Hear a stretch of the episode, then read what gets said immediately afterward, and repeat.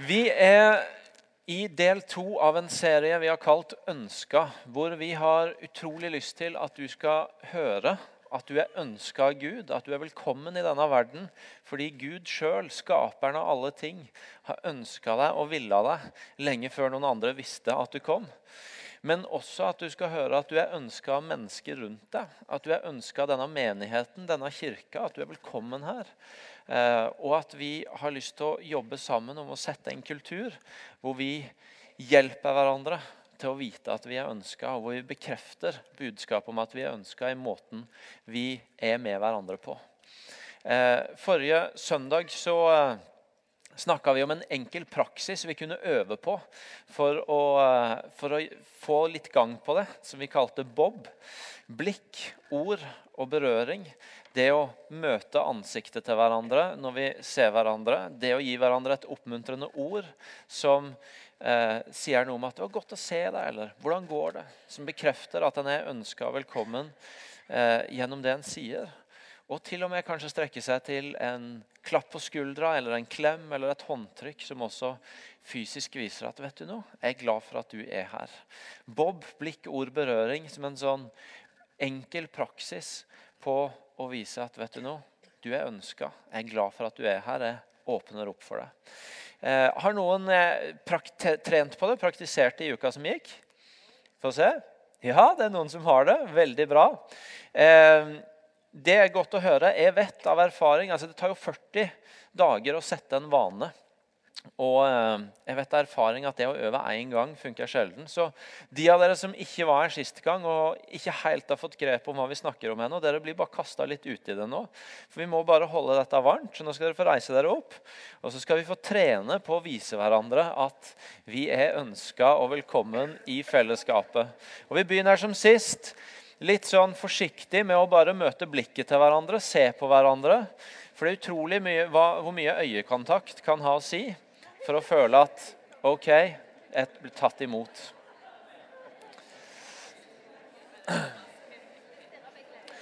Og etter hvert som du har møtt blikket til noen, så kan du veldig godt få lov til å gi noen ord. Si 'hei, åssen går det?' eller 'glad for å se deg', eller noe annet.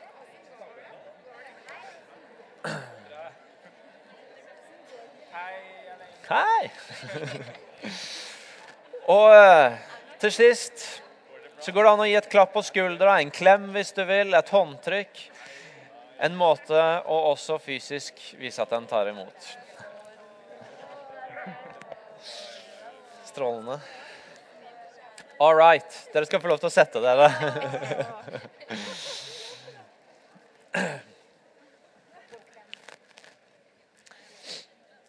Jeg vet at når vi gjør sånne greier som dette, så er det alltid noen som syns det er kjempekjekt, og så er det alltid noen som syns det er fryktelig klamt. og Hilse på folk på kommando. Og, ja. og det er greit. Denne serien varer i tre uker. Og så kan du få lov til å gjøre det uten å få beskjed om det. Da kan du bare gjøre det naturlig, sånn som du helst liker å gjøre det. Eh, men jeg håper at du gjør det, for det er en fin måte å synliggjøre at vi ser hverandre og ønsker hverandre velkommen på. Jeg skal be en liten bønn. Og så er vi i gang med dagens undervisning. Kjære Jesus, jeg takker deg for at du er her. Jeg takker deg for det du allerede har gjort og vist blant oss. Jeg takker deg for at du eh, har lyst til å både formidle hvor glad du er i oss, hvor ønska vi er av du, men også hvor mye det betyr at vi tar godt vare på hverandre, og at vi klarer å skape en, et hjem, et fellesskap, en familie sammen hvor vi forteller hverandre at vi er velkomne, at vi er ønska. Så lær oss noe nytt om det i kveld. Hellige Ånd, kom og pust liv i jorda, og la det bli til noe som forandrer oss, som forandrer hjertene våre, og som forandrer handlingene våre når vi går ut herfra. Det ber vi om i ditt navn, Jesus. Amen. Denne uka har det vært en nyhetssak som jeg syns har vært utrolig vond å lese om. Det har vært en rettssak som pågår. Eh, kalles for Alvdal-saken. Kjenner ingenting til de involverte der, men jeg har lest noe av det som fortelles om.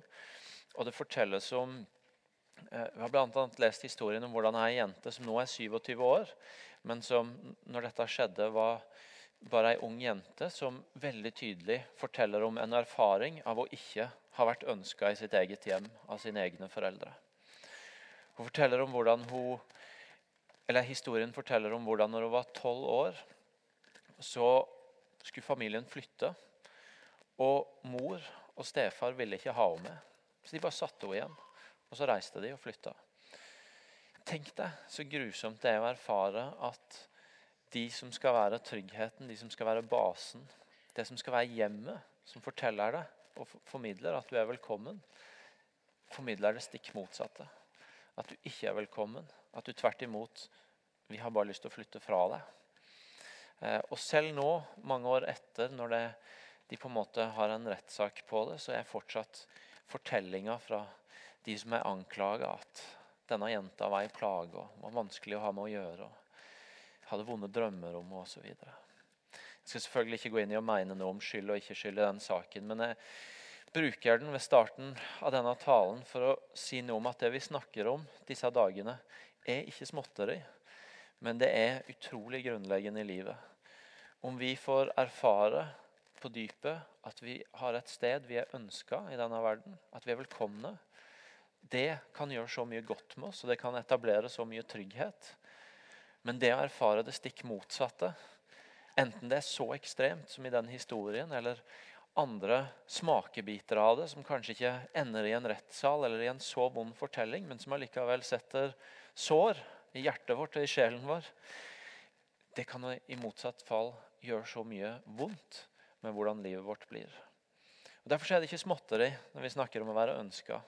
Men det handler om noe utrolig dypt i livet vårt. Og du har kanskje med deg dine erfaringer av å noen ganger smake på det og ikke helt vite om du er ønska. Eh, enten det er i møte med familie, i møte med venner, i møte med ei kirke, i møte med en arbeidsplass, i møte med andre situasjoner. Og Derfor så vil jeg at du skal høre budskapet disse ukene. og og ta inn over deg både budskapet om at du er ønska, men også åpne opp de rommene hvor du kanskje har noe som gjør vondt, fordi du har erfart det motsatte. Eh, og gi Gud en mulighet til å se OK, Gud, kan du gjøre noe her? Kan du helbrede noe her? Kan du lege noen sår her? Sånn at jeg kan gå videre med litt større trygghet om at jeg er faktisk velkommen i denne verden. Uansett hva historien forteller meg. I... Eh, det nye testamentet så er en av de store skikkelsene Paulus. Han er en sånn hardhaus som eh, I det ene øyeblikket så, så, forfølger han kristne. Og han står de etter livet. Han, han, er, han, er, villig til å ta harde midler i bruk for å stå imot mennesker som tror på Jesus. Og Så får han denne radikale omvendelsen, hvor han møter Gud på veien til Damaskus. Og Hvis du ikke har lest historien, så jeg skal ikke dra hele nå, men du kan gå og lese i Apostlenes gjerninger 9. Eh, der står historien i noen kapitler utover. Men han møter Gud, og han blir radikalt omvendt, begynner å tro på Jesus. Og så blir han like intenst som han før sto imot mennesker som trodde på Jesus. Så blir han nå like intens i å forsøke å hjelpe mennesker til å tro på Jesus. Han reiser rundt og Eh, er med på litt av hvert. Farlige reiser som han er i livsfare på. Han havner i fengsel for det han holder på med. I slutten av apostelens gjerninger så står det om hvordan han blir bitt i armen av en slange, men tar ikke på mirakuløst vis skade av det og kan gå videre. Han framstår ikke nødvendigvis som en i hvert fall den moderne utgaven av en myk mann. Han er litt mer som bulldoser, litt mer hardhaus, som kjører på og tar noen støyter og står i noen farer. og egentlig ikke bryr seg så mye om hva som møter han, så lenge han kommer fram med saken sin, nemlig at han vil ta evangeliet videre til andre steder. Og Samtidig som han er denne bulldoseren som en kan tenke at kjører på og ikke vil ha noe snikksnakk, bare komme fram med saken sin, så er han faktisk en av de som i Det nye testamentet gir noen av de aller vakreste skildringene av kjærlighet og hva Guds kjærlighet er. Det er han som har gitt oss disse ordene i 1. Korinterbrev 13, som Enten du er vant til å være i kirka eller ikke, så har du antagelig vært i et eller annet bryllup hvor du har hørt de orda, Hvor det står om at kjærligheten er tålmodig, kjærligheten er velvillig. Kjærligheten utholder alt, tror alt, håper alt, tåler alt. Kjærligheten tar aldri slutt. Men, og så konkluderer han det kapitlet med å si at det er tre ting her i livet som står igjen, som blir de største tinga. Og det er tro og håp og kjærlighet. Og så konkluderer han også blant de med at men størst blant de er kjærligheten. Nydelige ord om kjærlighet. og Paulus skriver ikke bare om en hvilken som helst kjærlighet, men han skriver om Kristi kjærlighet. Et annet sted så skriver han Kristi kjærlighet tvinger oss. Det er sterke ord. Han forteller om Kristi kjærlighet, om Guds kjærlighet som en sånn kraft som tvinger oss. altså Som det er et sånn trøkk i, en sånn gjennombruddskraftig, som gjør at en, en, en, nærmest noen ganger kan føle at en ikke har et valg. Dette må en bare forholde seg til, fordi det er noe som er så kraftfullt i Guds kjærlighet. Og Han sier i Romerbrevet kapittel 2 at det er Guds godhet som driver oss til omvendelse.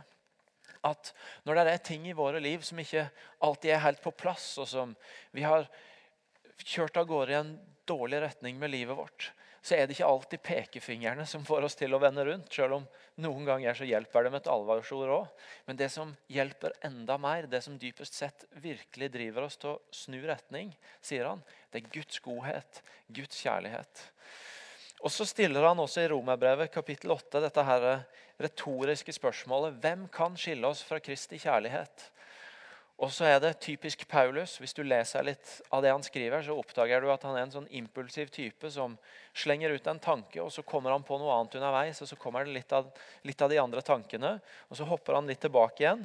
Og når han har fått kommet med dette spørsmålet og fått lagt ut noen andre tanker, så konkluderer han mot slutten av det kapittelet, Romerbrevet 8, med at jeg er viss på at verken død eller liv, verken engler eller krefter, verken det som nå er eller det som kommer, eller noen makt, verken det som er i det høye eller i det dype, eller noen annen skapning, skal kunne skille oss fra Guds kjærlighet i Kristus Jesus, vår Herre. Ingenting kan skille oss fra Kristi kjærlighet. Han stiller spørsmålet hva kan skille meg fra Kristi kjærlighet. Konklusjonen er ingenting. Ingenting. Det er som om Paulus beskriver Guds kjærlighet som en så intens kraft at det er ikke noe som kan skille oss fra det. Det er nærmest ikke noe som kan stå imot det. Og Den driver igjennom fastlåste situasjoner. Den hjelper oss til å tenke annerledes og snu om når vi er på vei i feil retning. Det er noe så kraftfullt i Guds kjærlighet som kan få oss til å endre livet og se annerledes på livet.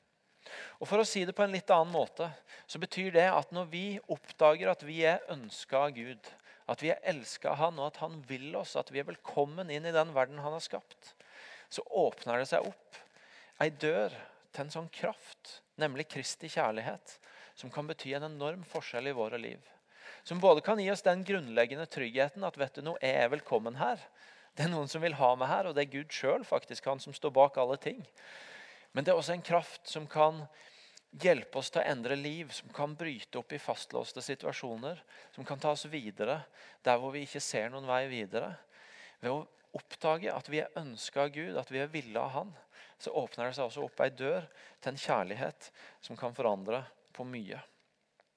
Og Forrige søndag så brukte vi en illustrasjon for å få på plass og tenke litt og bare, forholde oss litt aktivt til dette her. At vet du noe, Gud sjøl ønsker meg, han vil meg, han forholder seg til meg. Vi, og vi skal få det opp på skjermen igjen nå Vi eh, henta fram eh, jeg holdt på å si gode gamle, men det er kanskje ikke så gammelt, men i hvert fall godt. Google Earth eh, på skjermen. Skal vi se om vi får det opp. Og så prøvde vi å tenke, sammenligne hva, hva er hvordan ser Gud på meg? Hva slags bilde får han opp når han tenker på meg og på du? Eh, hva er avstanden han ser oss på? Hvis vi skulle sammenligne det med hvordan han kikker ned på Imi nå Er det litt som å se jordkloden, og i beste fall så ser du en eller annen flekk der nede som kanskje ikke er meg sjøl engang, men bare den store gruppen jeg er sammen med, eller den byen jeg er en del av. Kanskje zoomer vi litt inn mot Norge etter hvert.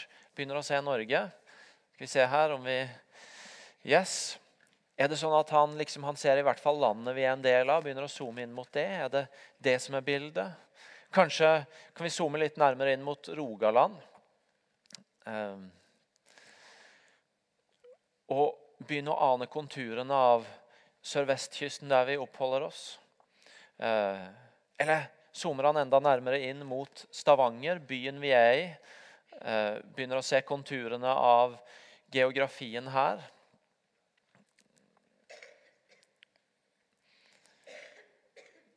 Begynner å se kanskje noen av vanna vi har rundt oss, litt av bygningene.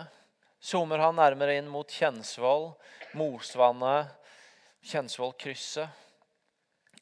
Eller kommer han faktisk helt inn, sånn at vi kan begynne å se Imi kirka der vi er nå, og se det i skarpstilt fokus? Skal vi se om vi med all denne nymotens teknologien får det til. Yes helt skarpstilt fokus. Her er vi nå. Folkens, Poenget med dette er å si Gud vi tror jeg noen ganger kan tenke om Gud, og vi kan høre at han er glad i oss. Vi kan høre en forkynnelse om at vi er ønska, men allikevel så, så, tenker vi litt som om han ser oss på avstand. Kanskje han ser, sånn, ser, oss som en del av en stor masse, som en del av en stor gruppe. Som en litt sånn grå, uklar skapning, skikkelse der borte. Og så er budskapet om Guds kjærlighet at han ser oss i skarpstilt fokus. At like skarpstilt som han ikke bare ser Imi-kirka som en liten dott i Rogaland, men helt skarpt, så ser han oss helt klart og skarpt. Også i denne mengden vi er her i kveld. Han ser ikke bare en gruppe mennesker, men han ser du helt skarpstilt. Du er ønska av han, og det er en av de grunnleggende tinga som vi vil du skal høre disse ukene. Gud vil det. Gud ønsker det. Men la oss zoome litt ut igjen. La oss tenke at vi ikke er i Imi-kirka i skarpstilt fokus. Fordi vi kan spørre er det sånn at Gud bare ser oss i skarpstilt fokus. Helt klart når vi er i IMI. Her kommer vi jo sammen, tilber Gud. Vi tror at altså, dette er kirke. og Noen ganger snakker vi om kirka som Guds hus. En kan tenke at der bor Gud. Der er han å møte. Og det vil jo være dumt av meg som pastor her å si at du ikke kan møte Gud her. Så Det er jo for så vidt enig i. Men vi kan kanskje tenke at ok, Gud ser meg her, men mesteparten av livet mitt lever jeg jo andre steder. Jeg er på jobb eller på skole eller hjemme i huset eller ute blant venner nede i byen. Hvordan ser Gud på meg da? Blir det litt sånn fjernere da? Litt større avstand? Blir jeg litt mer uklar? For da er jeg jo ikke i kirka, da er jeg ikke blant Guds folk, da er jeg ikke i Guds hus.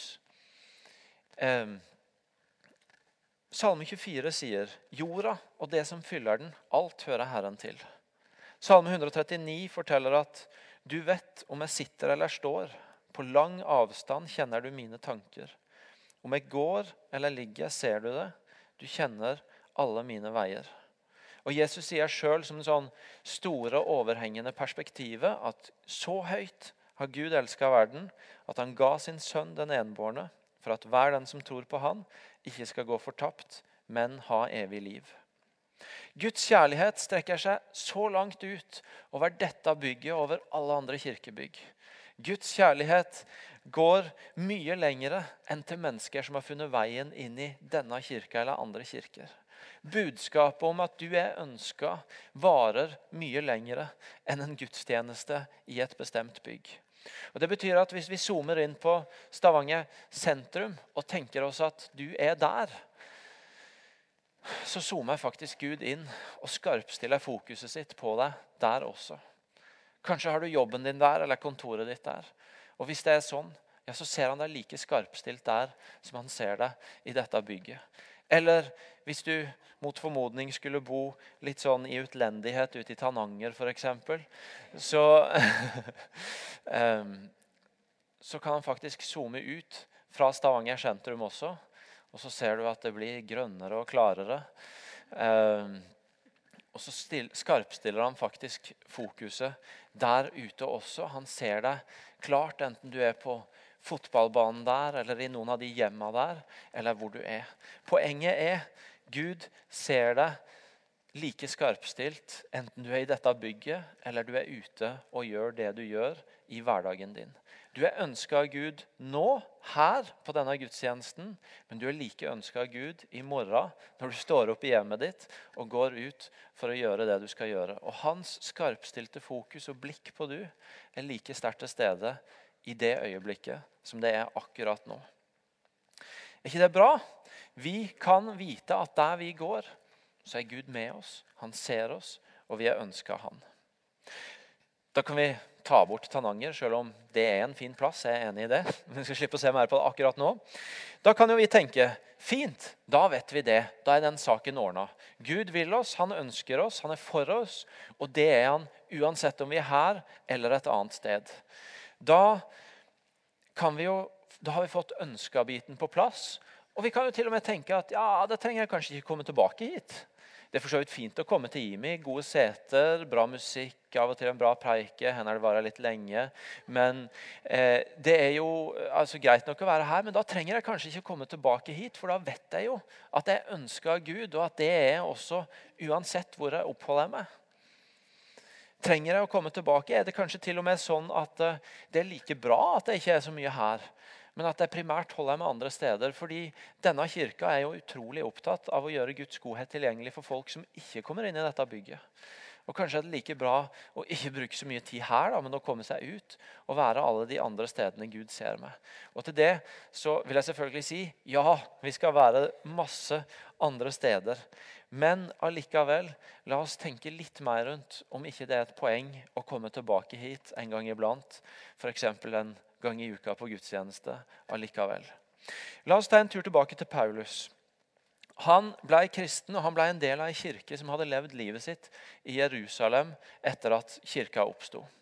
Han, han, ble en del av en kirke som, som hadde fått Den hellige ånd og blitt stifta som kirke og levd i Jerusalem. og Der skjedde det masse godt. Mennesker ble helbreda, de delte ut mat til de fattige. De hadde et sterkt fellesskap, står det om.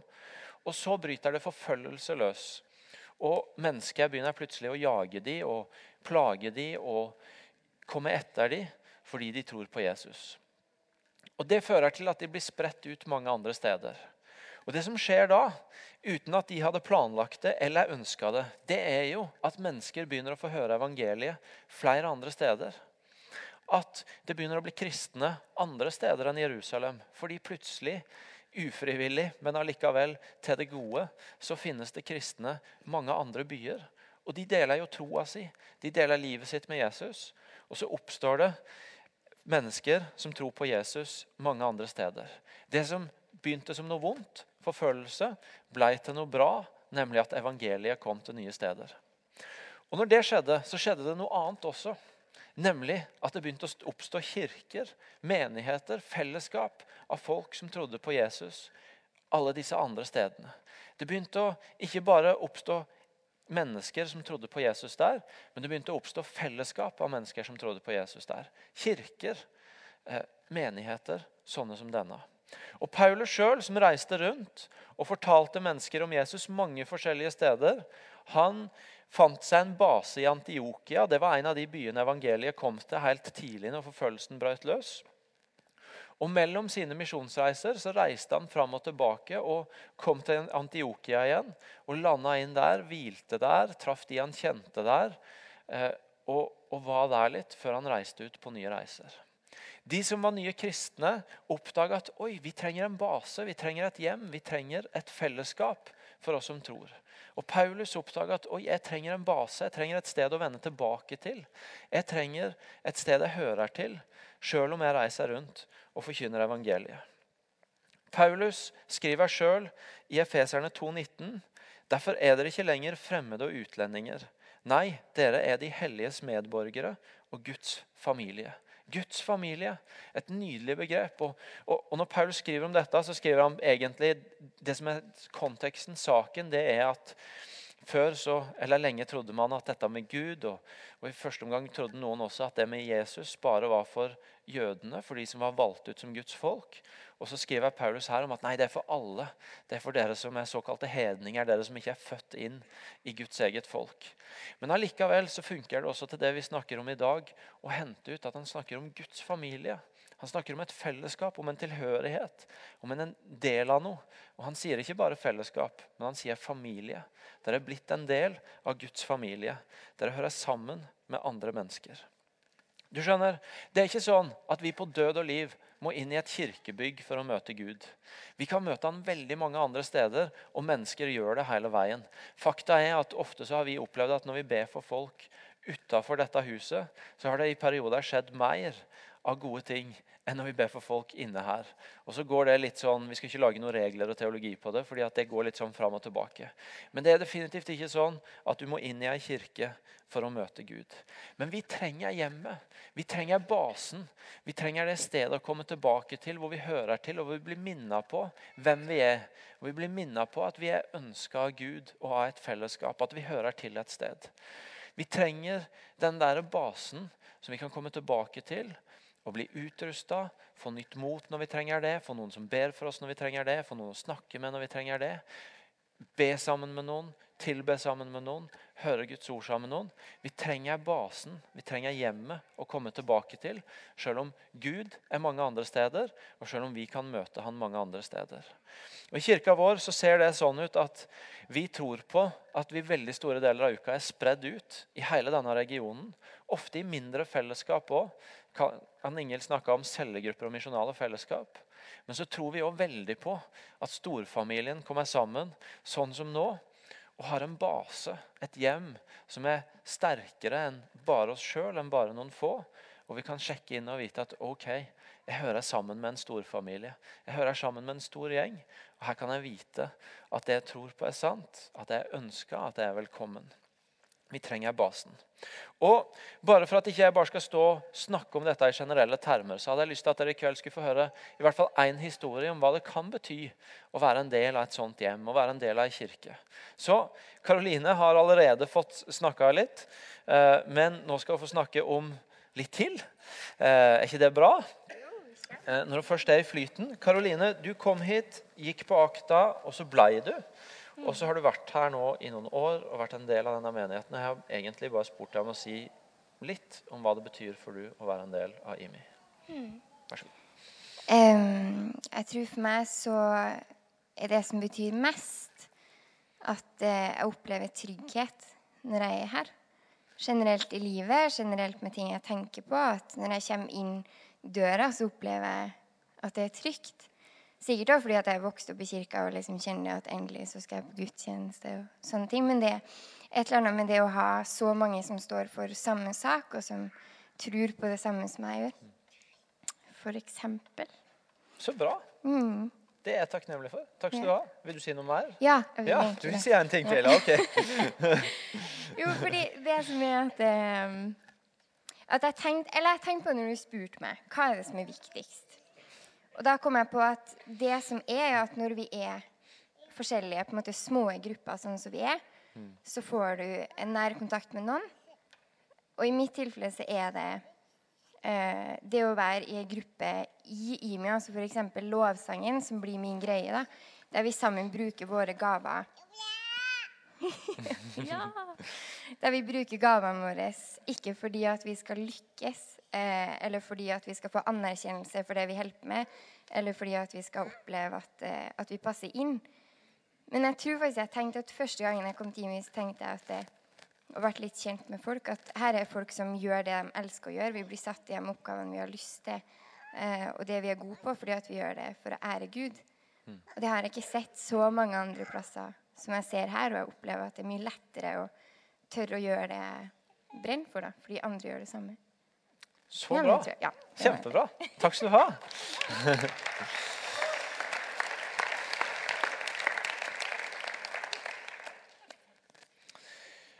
Folkens, eh, Karoline har én historie. Det finnes mange andre om at det betyr noe å være en del av denne menigheten. Og det betyr noe å få bidra og få kjenne at en er ønska et sted. Og så snakka vi sist søndag noe om at vi vet òg at det er andre historier om de som ikke erfarte det helt sånn. Og noe av det vi jobber med i disse ukene, er å ha flere historier, sånne som Karoline forteller, om at folk kom og fikk høre at de var ønska av Gud, men fikk også erfare at de var ønska av mennesker. Og færre av de som kom og ikke helt fikk hjelp til å holde fast i at de var ønska av Gud, fordi ingen tok de imot. Vi har lyst til at dette Hei, du. Jeg blir helt sjarmert av deg. Du er òg velkommen hit, altså. Kan dere bare vinke til henne? Hun er så søt her.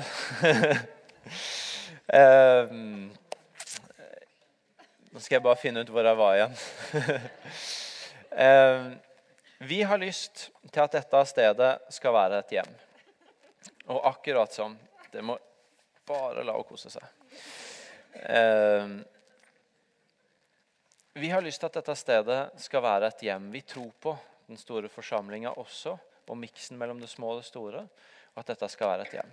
Akkurat som sist søndag så er det min bekjennelse at hvis dette skal funke, så er jeg som pastor helt avhengig av dere. Jeg trenger at dere er med meg på å bygge et sånt hjem, på å være en sånn familie, på å sette en sånn kultur. Eh, fordi jeg kan ikke klare det alene. Jeg kan snakke om det, jeg kan holde det fram, jeg kan si at det er viktig, jeg kan oppmuntre til det. Men jeg er helt avhengig av at vi gjør det sammen. Derfor øver vi på Bob, og derfor skal vi snakke om én ting til i kveld, som jeg kommer til nå. Det er jo nemlig sånn at I et hjem så har vi forskjellige roller og oppgaver. Jeg syns det var mye kjekkere å være med meg enn å være der nede. I et hjem så har vi forskjellige roller og oppgaver. Jeg har en fireåring hjemme som heter Elia. så Jeg snakka om han sist søndag òg. Han er fire år.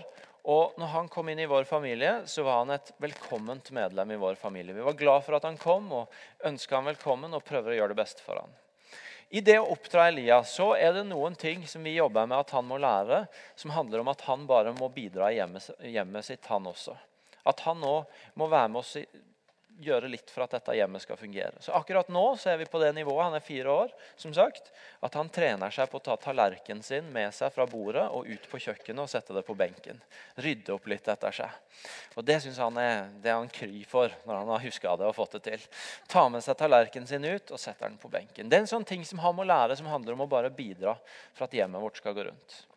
Men så har vi òg helt siden Elia var ganske liten, sett at Elia han er glad i musikk. Han har elska trommer, og han har gått og spilt på små gitarer. og eh, Han synger, og han eh, Kanskje litt sånn musikalfyr, egentlig, for han elsker også roller. Så han er Karius og Baktus og De tre røverne og synger og lister. Og, og fordi vi har sett det, den interessen, så er jeg også hver onsdag på musikkskolen med han. Fordi at Hvis det er et talent for han, hvis det er en, hvis det er en lidenskap hos han, så har jeg lyst til at han skal få mulighet til å finne ut av den og få sjanse til å utvikle den, sånn at han kan ha glede av den og bli flink i den hvis det er et talent for han og noe han har lyst til å forfølge. og Heie på han i det. Og Litt sånn er det i hjemmet også. At i, i dette hjemmet også. Her sånn. Fordi I denne serien så vil vi som sagt veldig gjerne at du skal høre at du er ønska av Gud. Og så vil vi at du skal høre at du er velkommen i denne kirka, at du er ønska her, og at det er ok å være her uansett hvor du er i prosessen din med Gud, og uansett hvor mye du har på stell i livet. Men så har vi òg lyst til at du skal høre at en del av det å være velkommen i denne kirka, er at du også er velkommen til å være med å bidra på å bygge dette som et hjem og som en base å høre til på være med å bidra. Noen ganger sånn som Elia må gjøre når han tar ut tallerkenen. Med å bare ta i et tak. Fordi noen må gjøre det hvis det skal skje. Og det er ikke egentlig så mange som syns det er gøy. Men forhåpentligvis enda oftere med at du får bruke noe av det Gud har lagt ned i deg. Noe av det du er god på, noe av det du er nysgjerrig på, noe av det du brenner for. Noe av det du syns er gøy. Hva er det du kan som ikke Imi kan? Hva er det du liker å holde på med som, som kanskje ikke Eh, du har fått tatt ut ennå. Og så har jeg lyst til å si at Du er velkommen til å bidra. Du er ønska til å bidra med det òg. Eh, og du trenger ikke å kunne alt. Vet du når Han som satt og styrte og viste oss Google Earth nå Når vi øvde nei, når vi øvde når vi gjorde klart i dag, så satt det en bak han som har holdt på å styrt grafikken litt lenger enn han. Og bare viste han og passa på at han hadde det han trengte, fordi han har gjort det ikke så mange ganger ennå. Og Kanskje har du lyst til å være med i noe du ikke vet om du fikser ennå. Ja, men Da kan noen gå sammen med deg og vise deg det. Akkurat som Alexander gjorde med grafikeren vår i kveld. Ehm, men vi har lyst til at du skal også høre at du er velkommen til å være med og bidra. Og så er det sånn med hjem at hjem det har forskjellige sesonger hvordan vi forholder oss til hjem i livet. Noen ganger så er livet mitt òg tungt og slitsomt og er trøtt. Og Sjøl når jeg i en alder av 34 år med gamle foreldre kommer jeg hjem til mamma og pappa, så har jeg egentlig bare behov for å ligge på sofaen og ta imot pølsegrateng og napoleonskake og de gode tinga som mamma gir meg. og da gjør jeg det. Men mye oftere så kommer jeg også hjem og vet at det, det hadde vært bra for mamma di om jeg prøvde å finne en måte å hjelpe på. Enten det å få den der PC-høyttaleren som alltid har skåret seg med siden sist gang jeg var hjemme, sånn at mamma ikke får hørt på talene fra Imi-kirka, som hun har så lyst til. Eller det å være ute og slå plenen, eller hva det nå er. Eh, og bidra. Jeg vil at du skal høre på den ene sida en veldig tydelig invitasjon i dag til at du er også ønska velkommen inn til å bidra. Men jeg vil òg du skal høre at det er ikke en sånn Hvis du er i en sesong i livet hvor det eneste du kan, er å komme, møte opp og være med og ta imot og prøve å være til stede så godt du kan, så er ikke det jeg sier i kveld at hvis du ikke er med og bidrar, så er du sånn to tredjedels på veien til å høre til her. Um, og så er det liksom fullbrakt når du tjener. Nei, du er, du er, velkommen uansett. Og det er greit at livet har sesonger. Det er ikke, det er ikke graderinger vi snakker om. Men normalen når vi, når vi, er der i livet at vi kan bidra, er at vi også er med og bidrar i hjemmet. Og Derfor så vil vi at du skal høre at du også er ønska til å være med og bygge dette hjemmet. Være med og bidra med det du kan. Bare tenk på i kveld hvor mange som er i aksjon for at det skal være mennesker som kommer hit, som ønsker seg velkommen. Tenk på de som sto og ønska dere velkommen i døra. Tenk på Eivind som sitter og tolker for at de som ikke kan norsk, skal kjenne seg velkommen allikevel og få det på engelsk. Tenk på Øystein som skrur lyd, sånn at det ikke er bare de helt forrest her som hører og sånn sett kjenner at de er velkomne, men at alle dere kan tenke at ja, han har jo lyst til at vi òg skal høre. Vi er velkomne inn her. Tenk på grafikeren som får teksten opp på skjerm, sånn at det ikke bare er de som kan sangene, som føler seg velkommen, men resten også. Tenk på lovsangsgjengen som har øvd for at vi skal få synge og få god musikk. For at vi skal kjenne at noen venter på oss, noen ønsker oss her. Det er så mange som bidrar for at det skal være godt å komme hit. Og vi har lyst til å si at du er velkommen til å være med og tjene på det. Derfor har du fått en brosjyre i kveld hvor det står 'ønsket' utpå. Og så står det mange mulige måter å være med å tjene og være med å bygge dette hjemmet på inni. Og jeg vet at gode intensjoner er ofte bra, og noen ganger så kan det være litt langt steg fra gode intensjoner til å få gjort noe med det. Eh, det er av og til det til og med tar utrolig lang tid å bære søpla ut i dunken selv om den stinker. Selv om det var en god intensjon å gjøre det fordi vi utsetter ting. Eh, og det er ingen paralleller ellers mellom søpla og denne brosjyren. Men, eh, så jeg vet ikke hvorfor jeg brukte det bildet. Men eh, det jeg skal fram til, er at nå skal du få muligheten til å se på og eh, tenke igjennom om du vil forholde deg til dette nå, sånn at du ikke bare tenker at ja, det var en god idé, og så ble det en god intensjon, og så glemmer du det. Men her står det en oversikt her står det en mulighet for å krysse av Jeg vet ikke helt hva jeg kan bidra med, eller hva jeg har lyst til å bidra med, men jeg har lyst til å være med på laget. Og Så kan du krysse av der, og så vil vi ringe deg i uka som kommer og hjelpe deg til å finne ut av det. Eller hvis du vet veldig godt hva du har lyst til å bidra til, så kan du krysse av og fylle ut det. Og så kontakter vi deg for å få deg i gang. Og Det du skal få mulighet til nå, det er bare ett eller to minutter til å kikke på den og til å, hvis du vil, fylle ut helt bakerst og levere på bordet der etter gudstjenesten, sånn at du har sjanse til å handle på det her og nå.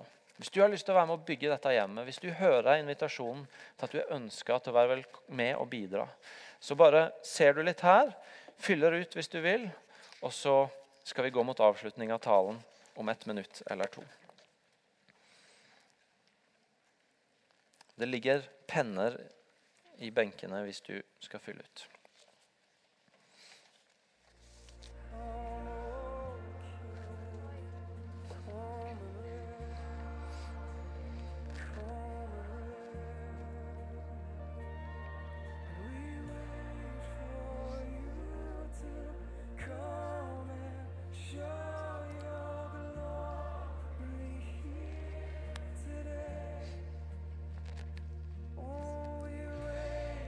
Bare si hvis, Kanskje er du her som gjest i kveld og du syns det er litt rart å skulle på en måte bli tatt inn og ta, en, ta på deg et ansvar med en gang. Og det er greit. Du, du, er velkommen hvis du vil med en gang, men du er selvfølgelig også velkommen til å finne ut om du vil høre til her.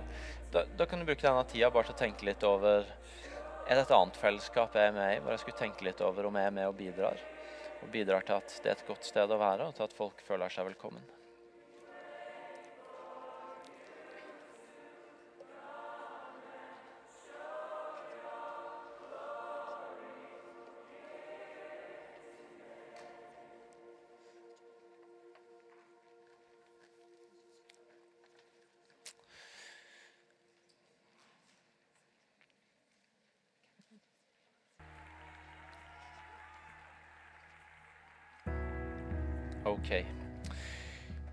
Hvis du har fylt ut, eller hvis du vil fylle ut under, mot slutten av gudstjenesten og levere det, så legger du det bare på bordet bak der. Hvis du har lyst til å tenke litt mer på det, så tar du med deg skjema eller heftet hjem, og så tenker du på det og kommer tilbake til oss. Folkens, budskapet er tydelig. Du er ønska av Gud, du er ønska av mennesker, og du er ønska til å være med og bidra. Skal vi reise oss opp og be sammen?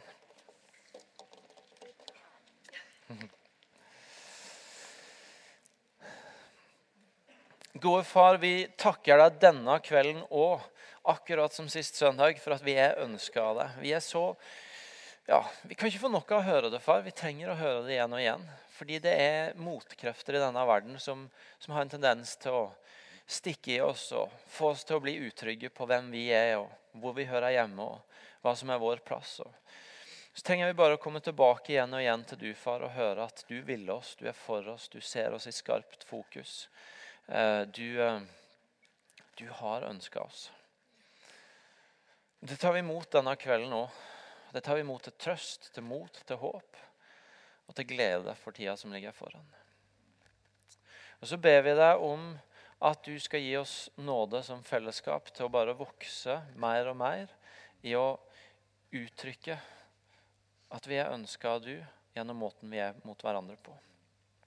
Du skal fortsette å lære oss om å se på hverandre og oppmuntre hverandre og komme nær hverandre og åpne sirkelen for hverandre. Sånn at vi får bekreftelsen av at vi er ønska av du gjennom møte med andre mennesker og møte med hverandre. Far, vi har snakka i kveld om at du om at vi kan få være med å bygge et hjem. At vi kan få være med å bidra. Takker deg for at du er glad i det du har lagt ned i oss. At du ser stort på det evnene vi har, på, på, det vi er opptatt av, på det vi er engasjert i. Takker deg for at vi skal få lov til å ta det ut og bruke det og eh, komme ut med det. Også i menighetsfamilien vår. Så jeg ber deg om at du sår tanker i oss i kveld om hvordan det ser ut. At du gir frimodighet. Jeg tror det er noen her i kveld som, som sitter og ikke har frimodighet. Som, det står ikke på lysta, men det står på frimodigheten. Jeg ber deg, far, inn i de, de, sine liv om at du skal gi frimodighet på at så klart jeg har noe å bidra med. Så klart jeg ønska. Så klart mitt bidrag er velkomment. Så jeg har til slutt lyst til å be deg, far, for de som er her i kveld, og som akkurat nå strever med såra av å ha erfart at den ikke var ønska. At den ikke var ønska hjemme eller i, på jobben eller i vennegjengen. Så ber vi deg om at du begynner å lege sår i kveld, far. At du går inn i hjertet og leger sår.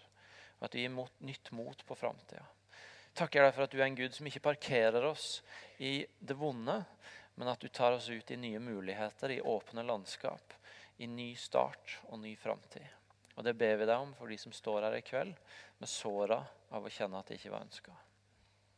Kom og legg dem for.